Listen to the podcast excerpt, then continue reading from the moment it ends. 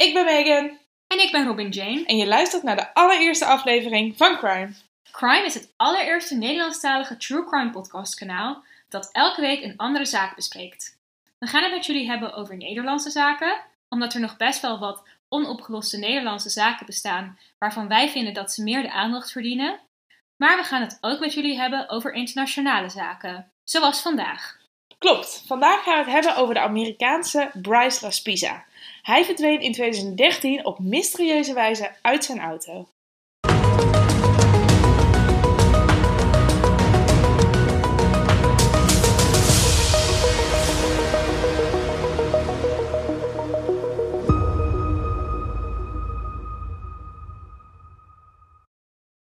Nou, vandaag de zaak van Bryce Laspisa dus. Eh, hij was 19 jaar toen hij in 2013 verdween. Even wat achtergrondinformatie. Bryce was eh, het enige kind van Mike en Karen Laspisa. Hij verhuisd in eh, 2012 met zijn ouders naar Californië, naar Lagoon en Nige- Niguel. En voor wie Amerika niet kennen, dat is een klein eh, plaatsje onder LA.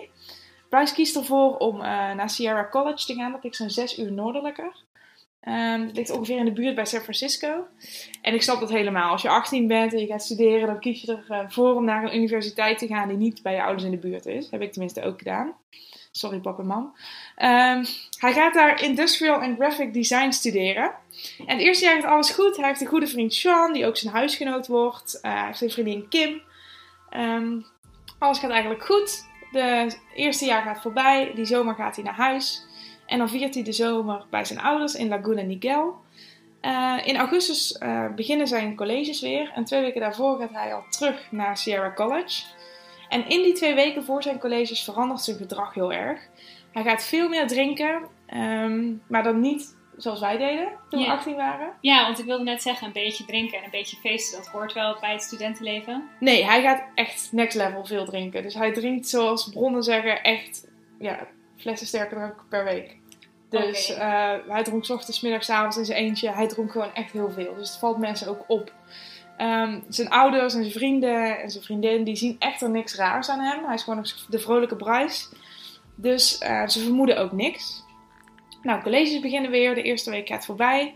En dan op 27 augustus eh, belt Bryce zijn moeder. Hij zet gamen met Sean, zijn huisgenoot.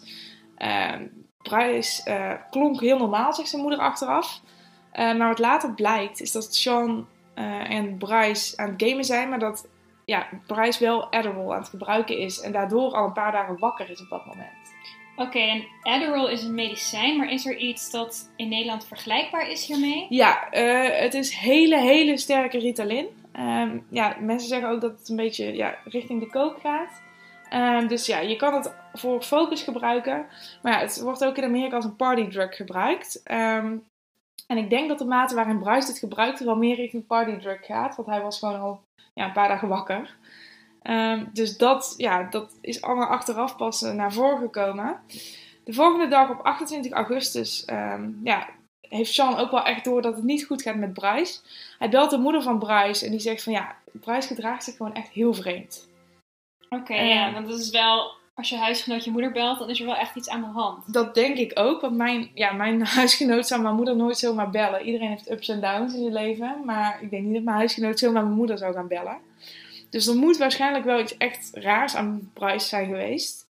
Eh, En diezelfde avond was het nog erger, eh, want Kim die belt namelijk ook Bryce zijn moeder. Van, eh, Bryce is op dit moment bij mij en Kim wordt ongeveer anderhalf uur noordelijker van Bryce. Eh, dus ja, hè, Kim belt die moeder van Bryce is bij mij. Het gaat echt niet goed met hem. Ik heb zijn autosleutels afgepakt. Die ga ik ook echt niet teruggeven, want ik wil niet dat hij gaat rijden. Nou, die moeder die denkt, wat is daar nou aan de hand? Eh, die krijgt Bryce in de telefoon. En wat blijkt nou? ehm Bryce heeft eerder die dag al naar Kim gestuurd. eh, You're better off without me. Dus ja, hij was denk ik een beetje om een break-up met Kim te hebben. Ja, daar klinkt het dan wel. Ja, en natuurlijk, natuurlijk ben je dan oh, ja, in de war, vreemd gedrag misschien. eh, ja, emotioneel. Emotioneel, ja. het gaat uit met je vriendin, dus ik kan me dat voorstellen. Dus nou, dat vertelt Bryce ook tegen zijn moeder. En die zegt, nou, ik snap het. Ehm, ik stel Kim maar even gerust en zeg haar dat ze die sleutels aan jou terug moet geven. Nou ja, dat doet die moeder. Kim stemt er uiteindelijk wel mee in en geeft de sleutels terug aan Bryce. En op dat moment eh, vertrekt, vertrekt Bryce bij, eh, bij Kim. Dat is om 11 uur s'avonds. Um, nou, het was anderhalf uur rijden naar zijn eigen appartement. Dus uh, iedereen gaat ervan uit dat hij om uh, half één wel thuis zou zijn. Wanneer Bryce om één uur s'nachts zijn moeder belt, gaat zij daar ook van uit dat hij gewoon thuis is. Uh, dat, telefoongesprek is overigens niet heel bijzonder. Hij stelt alleen even zijn moeder gerust. Hij zegt: Mam, ik bel je morgen. Um, komt goed. Nou ja, wat achteraf dus blijkt, is dat hij op dat moment helemaal niet thuis was. En het was ook helemaal niet oké. Hij was al een uur zuidelijker van zijn appartement. Dus hij moet gewoon langs zijn appartement zijn gereden. Um, en toen zijn moeder om, om één uur belde, was hij gewoon op een random plek. Oké, okay, ja. Ja, dus um, wat we wel weten is dat de volgende ochtend uh, de verzekering naar Bruis ouders belt van... Hey, de Toyota Hybrid uh, heeft pech gehad en we hebben vanochtend Toyota Hybrid uh, ja, ondersteuning moeten verlenen. En die ouders schrikken natuurlijk, want dat is hun auto die Bruis gebruikt. Uh, dus ze bellen meteen Bryce op van, hé, hey, wat is er aan de hand? Ja, dat snap ik, want als mijn ouders een telefoontje van, ze, van de verzekering zouden krijgen, zouden ze ook schrikken. Ja, tuurlijk, je maakt je ontzettend veel zorgen. Ja, ja maar ze krijgen Bryce gewoon niet te pakken. Uh, dus dan bellen ze maar Sean, de huisgenoot van Bryce, van, hé, hey, heb jij nog iets van Bryce gehoord? En wat blijkt, dat Bryce gewoon die hele nacht niet is thuis geweest. Dus nou, op dat moment raakt ze natuurlijk in paniek. En dan, uh, het eerste wat ze doen is de creditcard van Bryce controleren. Heeft hij nog ergens aankopen gedaan? Uh, want Bryce die gebruikte de creditcard van zijn ouders voor boodschappen op studenten of zijn studentenkamer. Dat is logisch, want je verdient niks als je student bent. Ja. Um, dus die controleren ze. En dan uh, blijkt dat hij in Button Willow een transactie heeft gedaan. Oké, en waar ligt Button Willow en wat, wat, Ik heb er nog nooit van gehoord. Nee, nee ja, ik had er dus ook nog nooit van gehoord. Ik heb wel de snelweg uh, die Bryce af moet hebben gelegd, heb ik ook gereden. Maar de plaats Button Willow is mij ook nog nooit opgevallen. Dus ik heb het even opgezocht. Button Willow is echt een mini-mini dorpje langs de snelweg in Californië. Maar echt, echt zo'n Amerikaans klein mini-dorp. Uh, er is letterlijk niks. Er is uh, misschien ja. een, uh, een, tankstation, een supermarkt. En, Ik heb het nu ook net even opgezocht en het is inderdaad echt mini. het is gewoon echt heel klein. En... Ja, ja, er ja. is letterlijk niks. Dus um, ja, wat Bryce daar heeft kun kunnen doen is ook niet echt veel. Blijkt dat hij zijn creditcard heeft gebruikt bij Castro Tire and Truck. Dat is een soort tankstation waar ze ook gereedschap verkopen. Heb ik even opgezocht. Hmm. Um, dus zijn ouders ja, die besluiten maar om die plek te bellen. Van hé, hey, um, onze zoon is bij jullie geweest om hulp uh, te krijgen voor zijn auto. Hebben jullie misschien iets van hem vernomen? Nou, ze krijgen Christian aan de lijn. Het is op dat moment al 12 uur middags. Uh, dus al drie uur later dan de verzekering belde. En uh, ze blijken wel geluk te hebben, want Christian is de man die Bryce die eerder die ochtend ook heeft geholpen. Uh, Christian vertelt dat hij de benzine van Bryce heeft bijgevuld, want dat was op. Uh, hij zegt dat Bryce verder oké was, dat er niks vreemds aan hem te zien was. Um, en uh, ja, zijn ouders gaan daar ook vanuit. Uh, Button Willow, wat ik even vergeten te zeggen, ligt tussen Sierra College en het ouderlijk in. Dus nou, zijn ouders nemen gewoon aan dat hij op weg naar huis is. En dat snap ik, na een break-up is misschien heftig. Ja, precies. Misschien ja. is hij even gestopt tussendoor. Ja, nou dat kan. Op dat moment nog niks raars. Dus Christian zegt, nou ik loop even naar hem toe. Uh, kijken of, hij, of, of, of ik hem nog kan vinden. Nou, hij loopt dus naar de plek toe waar die Bryce uh, benzine heeft gegeven eerder die ochtend. En wat blijkt, Bryce zit naast, nog steeds op dezelfde plek. Dus het is inmiddels al 12 uur middags, dus Bryce zit al drie uur op dezelfde plek. Oké, okay. en heeft hij in die drie uur nog contact met iemand opgenomen? Zijn ouders nog gebeld? Um, nou, ik heb dat opgezocht, maar er staat nergens iets dat hij op dat moment nog contact met iemand heeft gehad. Dus ik denk dat hij dat niet heeft gehad, dat hij daar echt gewoon al drie uur heeft gezeten. Uh, ja, er staan ook verder geen verklaringen van mensen die hem hebben gesproken. Hij heeft daar gewoon drie uur gezeten. Uh, niks doen eigenlijk, in de auto. Oké. Okay. Ja, heel raar. Dus, uh, nou, Christian vindt het ook vreemd. En die geeft de telefoon aan Bryce van... hey, ik heb je moeder aan de telefoon, ze is ongerust. Um, wat ben je aan het doen? En Bryce die uh, vertelt door de telefoon aan zijn moeder van... Ik moet gewoon even rusten, ik vertrek zo weer. Het is nog drie uurtjes rijden, over drie uur ben ik thuis. Uh, ik verwacht dat ik om drie uur thuis ben. Nou, die ouders zeggen oké, uh, schiet op, zijn ongerust, kom lekker naar huis. Nou ja, dus ze hangen op. Die ouders die wachten thuis op Bryce. Nou ja, maar goed, het wordt drie uur, het wordt half vier, het wordt vier uur. en er is geen teken van Bryce. En om zes uur die avond ja, besluiten die ouders toch maar om de politie te bellen om Bryce als vermist op te geven. Hij had al lang thuis moeten zijn. Nou, de politie die reageert heel accuraat. Die doet meteen een oproep uh, aan AT&T. En dat is een provider in Amerika, dus uh, zelfs als KPN, Telfort. Um, dus die zoeken op waar de locatie is van Bryce een telefoon. En wat blijkt nou? De telefoon van Bryce is nog steeds in Button Willow. Ehm, dus het is inmiddels al zes uur 's middag- 's avonds. Nou, de politie daar gaat meteen zoeken. En nou, dit is echt bizar. Maar ze komen daar om zes uur 's avonds aan. En Bryce zit gewoon nog steeds op dezelfde plek voor zich uit te staren. Dus hij zit nog steeds in zijn auto, zonder iets te doen, gewoon voor zich uit te staren. Hij zit daar gewoon al, wat is het, 9 uur? Ja, hij zit dus van 9 uur s ochtends tot 6 uur s avonds. Dus in totaal, ja, 9 uur zit hij daar gewoon te zitten. Ja, ik weet niet wat hij aan het doen was, maar 9 uur voor je uitstaren, dat is, is wel lang. Ja, zelfs Ja. al moet je even tot rust komen, dan is 9 uur wel echt... Ja, precies. Je zou verwachten dat iemand dan na, nou ja, max een uurtje, Ja. zeg drie uur uitrusten weer door zou gaan. Ja, precies. Maar goed, Bryce die zit daar dus gewoon echt 9 uur. Ja, de politie vindt het ook vreemd en die lopen naar hem toe. En die zeggen van, hé, hey, ik heb je ouders aan de lijn. Je bent als vermist opgegeven. Wat doe je hier? Ga naar huis. En Bryce die zegt, ja, ik hoef mijn ouders niet te bellen. Hij wil zijn ouders gewoon niet bellen. Nou, die, die, die politie die drukt wel door, maar je moet echt je ouders bellen. Ze zijn super ongerust. Op een gegeven moment bellen zij de ouders en die geven Bryce de telefoon van, ik heb je ouders nu aan de lijn. Spreek met ze. Eh, dus nou, Bryce die eh, heeft zijn moeder dan toch aan de lijn en die zegt van, ja, mam, ik ben gewoon even aan het rusten, ik kom er nu aan. Nou, die moeder zegt, kom echt nu naar huis. Ehm, we zijn ongerust. Maar dat is ook het enige wat er op dat telefoongesprek is gezegd. Ja. Ja, er is niks. Het was geen lang gesprek. Die moeder heeft gewoon gezegd: Kom nu naar huis. Bryce zegt: Is goed. Ja, precies. Het is niet dat ze zei van dat ze echt een gesprek hebben gehad over wat hij voelde op dat moment. Of... Nee, nee, nee, helemaal niks. Ehm, dus ja, ze hangen op en eh, de politie vertrekt weer. Iedereen denkt dat Bryce naar huis gaat. Eh, nou, er verstrijken weer een paar uur. En Christian denkt op een gegeven moment van... Ja, ik ga toch maar eens even bellen naar die ouders. eh, wat er aan de hand is, of die al thuis is. Nou, dus Christian belt die ouders later die avond. Ik kan nergens vinden hoe laat dat exact is geweest. Maar achteraf gezien moet dat rond een uurtje of 11 uur s'avonds zijn geweest. Mhm. Uh, dus Christian belt die ouders en die ouders zeggen, ja, Bryce is nog steeds niet thuis. Ehm, en ik weet ook niet of er in die tussentijd contact is geweest, maar ik neem aan van niet. Ehm, dus Bryce ehm, ja, is gewoon nog steeds niet thuis en ook niemand weet waar hij op dat moment is. Dus Christian, echt super lieve vent, die, eh, ja, die zegt, nou, ik ga maar even kijken of hij er nog steeds is. Ja, Dus- heel fijn wel dat er iemand Ja. in de omgeving was die ook zo betrokken is. En die Ja, meteen... ja, hij had dat niet hoeven doen, want Ja. hij heeft verder geen connectie met Bryce. Maar hij loopt toch naar die plek toe. En wat blijkt, Bryce zit gewoon nog steeds op dezelfde plek. Dus ondanks de politie, ondanks alle telefoontjes, ondanks het aandringen van Christian, is Bryce niet vertrokken. Hij heeft geen contact met iemand gehad. Hij zit nog steeds op die plek voor zich uit te staren. Oké, en wat gebeurt er dan? Nou ja, Christian die loopt naar Bryce toe en die zegt van, wat ben je aan het doen? Nog steeds. Dus nou, hij haalt, hij haalt Bryce over om eh, te gaan rijden. En Christian die zegt tegen zijn ouders, weet je wat, ik rijd er achteraan.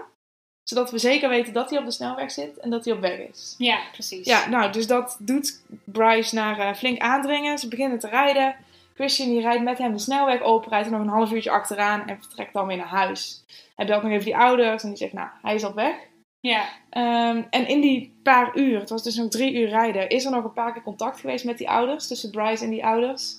En daarin vroegen die ouders steeds van, wat zijn je aanknopingspunten, waar ben je? En het gekke is dat Bryce eh, steeds zei van, ik kan niks zien, ik kan je geen aanknopingspunten geven waar ik ben. Hm, maar het was ook s'nachts, dus het was donker. Ja, het was inmiddels was het al s'nachts, nachts want Bryce die, zou, die zei eh, tegen zijn ouders, op mijn tomtom staat dat ik om 3 uur 25 thuis ben. Ja. Dus ja, het is midden in de nacht, het is donker, ik ken die weg, het is ook echt donker daar.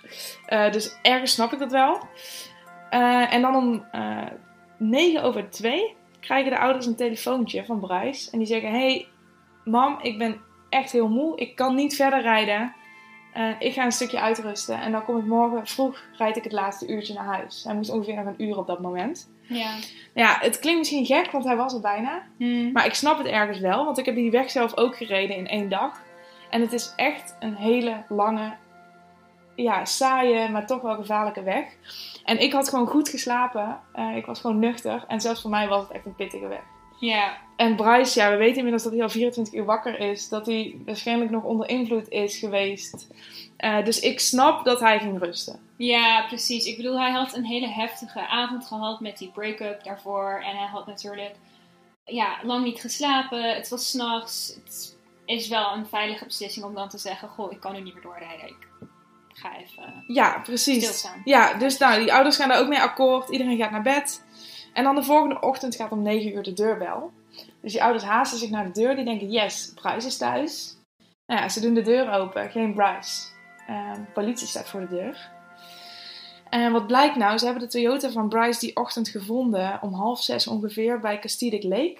Oké, en ligt dat Ehm. dan in de buurt van waar het huis van die ouders is? Ja, het ligt een uurtje noordelijker. Dus het was nog een uurtje rijden vanaf daar naar huis. Ehm, wat blijkt nu achteraf is het... Hij is omhoog gereden bij Castedic Lake.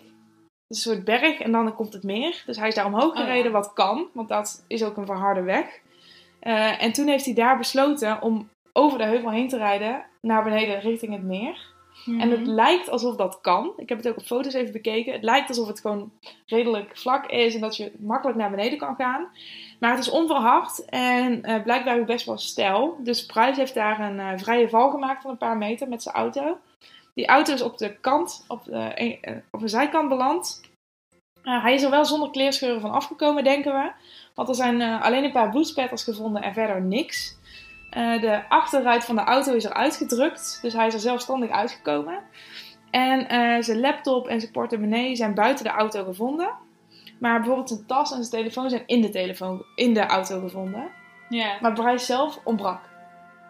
Oké. En hebben ze dan in de omgeving nog gezocht naar hem? Eh, in het meer? Ja, ja de politie hè, die heeft die auto gevonden. En die zijn meteen eh, met hele teams daarheen gegaan. Helikopters, boten. Ja, hoe ver kan een jongen komen? eh, nadat hij is gecrashed zonder spullen. Ik denk niet heel ver. Dus dat dacht de politie denk ik ook. En die zijn meteen de hele omgeving gaan zoeken. Maar ja, ze kunnen Bryce gewoon niet vinden. Hij is gewoon verdwenen. Ja, en heeft er dan veel tijd tussen gezeten dat ze hen hebben gezocht? En Nou, dat is dus het gekke. Want eh Bryce heeft die moeder, dat weten we, om 9 over 2 s'nachts gebeld dat hij ging rusten. Toen is eh, hij op een camera onderaan de berg gespot eh, om 2 om, 2 uur 15, dus kwart over 2 s'nachts. Dat hij daar omhoog reed. En toen hij omhoog reed, toen eh, is daar geen camerabeeld meer van gemaakt daarna. Maar om half vijf s'nachts is hij weer gezien op diezelfde camera dat hij weer omhoog reed. hetzelfde stuk. Hetzelfde stuk. Dus het kan zijn dat hij de eerste keer omhoog is gereden om te gaan rusten. Dat is aannemelijk. Maar waarom dat hij om half vijf s'nachts weer datzelfde stuk is gaan rijden, niemand weet dat. Niemand Nee. weet ook wat hij in die tussentijd heeft gedaan. Dus om half vijf s'nachts is hij weer omhoog gereden. Mhm. En toen een uur later, om half zes s'nachts, is de auto al gevonden. Dus er heeft maar een uur tussen gezeten tot het laatste beeld van Bryce en het moment dat de auto is gevonden. Ja, dus dat is echt niet veel tijd. Nee, het- hij heeft maar een uur gehad eigenlijk om uit die auto te komen ja, en te vertrekken. Dus hij kan niet ver zijn, lijkt me. Eh, maar ja, toch is er niks meer van Bryce vernomen. Hij is niet gevonden. Eh, dus enige dagen gaan voorbij, geen teken van Bryce. En om ne- eh, negen dagen later besluit de politie om speurhonden in te zetten. Die pakken wel een geur van Bryce op. Ehm, en die leiden ze naar een vrachtwagenparkeerplaats. Oké, dus ze denken dat hij misschien daar naartoe is gelopen. Ja, dat hij is eh, gaan hitchhiken, eh, dat hij daar in de vrachtwagen is gaan zitten en dat hij is meegereden met een vrachtwagenchauffeur. Ja, gewoon liften. Ja, liften. Hij is Ja. gaan liften of hij is meegenomen. Dat denkt die familie misschien ook nog. Eh, maar ja, er is, er is geen camerabeeld of iets wat dat kan bevestigen. Nee. Ehm, dus ze weten niet zo goed wat daar is gebeurd. En dat weten ze tot de dag van vandaag nog steeds niet. Wat achteraf wel is gebleken, is dat hij zijn Xbox en de gouden oorbellen de dag van tevoren aan zijn huisgenoot Sean heeft gegeven. Hij heeft daarbij ook een tekst gestuurd van I love you man, you mean the world to me. Oké. Ehm, nou ja, ik, ik- het lijkt me een beetje vreemd om een Xbox en gouden oorbellen zomaar af te geven. Dat kan een aanknopingspunt zijn. En het zielige is ook, Sean en Bryce waren echt hele goede vrienden. En eh, ja, Sean heeft gewoon die hele week gedacht dat Bryce er gewoon even tussenuit was om stoom af te blazen na zijn break-up met Kim. En dat hij op Labor Day, dat was die maandag erna, wel weer terug zou zijn. Want dan hadden ze een groot feest gepland. Maar ja, Bryce kwam die maandag niet terug. En hij kwam de zeven jaar daarna ook niet terug. Want het is inmiddels al zeven jaar geleden. En Bryce is tot op de dag van vandaag nog steeds niet gevonden. Oké, en zijn er nog aanknopingspunten geweest in de afgelopen zeven jaar? Mensen die zeggen dat ze denken dat ze hem ergens hebben gezien? Nee, nee, er is echt helemaal eh, niks meer gebeurd de afgelopen ze- elf jaar. Er is nog wel veel gebeurd, maar er is niks van Bryce gevonden de afgelopen zeven jaar. Eh, er zijn nog actieve zoekacties geweest door de familie. Die hebben gedacht dat hij misschien in het meer ligt, wat aannemelijk is. Eh, maar de politie heeft daar zo vaak gezocht. En ze hebben wel een ander lichaam gevonden dat na echt een paar dagen al gevonden was. Ehm, maar Bryce hebben ze nooit gevonden. En er is zoveel gezocht. Het kan bijna niet dat hij daar na zeven jaar nog steeds ligt zonder dat hij is gevonden. Um, andere theorie die die familie heeft, is dat hij inderdaad uh, door, door misschien een misdaad om is gebracht, is meegenomen door inderdaad die vrachtwagenchauffeur. Um, of dat hij toch vrijwillig is gegaan. Ja. We weten het gewoon niet. Um, ze zijn daarom nog steeds actief aan het zoeken. Er is ook een Facebookpagina opgericht.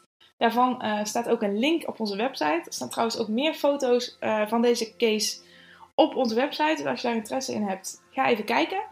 Uh, die Facebookpagina dus ook. Um, en daar worden regelmatig foto's van daklozen gedeeld. Dat mensen denken dat het misschien Bryce is. Want ja, je zal ook zien op die foto. Bryce is echt een heel opvallende jongen.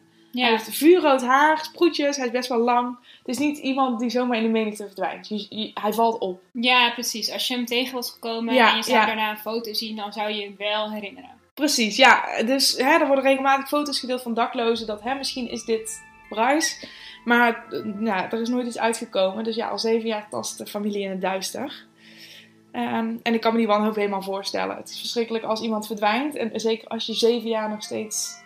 Ja, als er niks van iemand is vernomen. Nee, ik kan me zo niks. voorstellen dat je dan gewoon ergens altijd die hoop blijft houden van... Ja, misschien is hij toch wel dan op zichzelf vertrokken en... Komt hij nog een keer terug, ja. Je weet het niet. Het, het gebeurt wel eens dat iemand uit zichzelf weggaat en dat er jaren later blijkt dat die persoon gewoon ergens anders een... Ja, en die ouders die, uh, ja, die houden ook alle wachtwoorden en creditcardgegevens hetzelfde. Want ze hopen gewoon dat hij nog een keer gaat inloggen of zijn creditcard gaat gebruiken.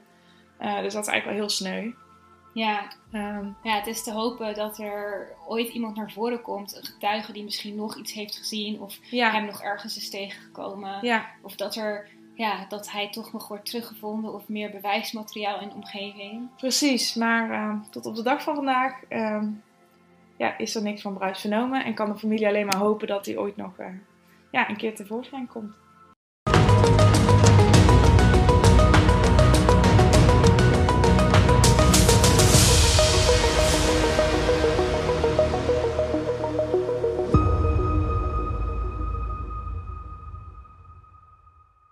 Bedankt voor het luisteren naar de allereerste aflevering van Crime. Wil je nog meer horen? Dan zijn aflevering 2 en 3 nu ook al online. Vergeet ons daarnaast niet te volgen op Instagram, crimepodcastnl en check onze website voor de laatste updates. Tot volgende week!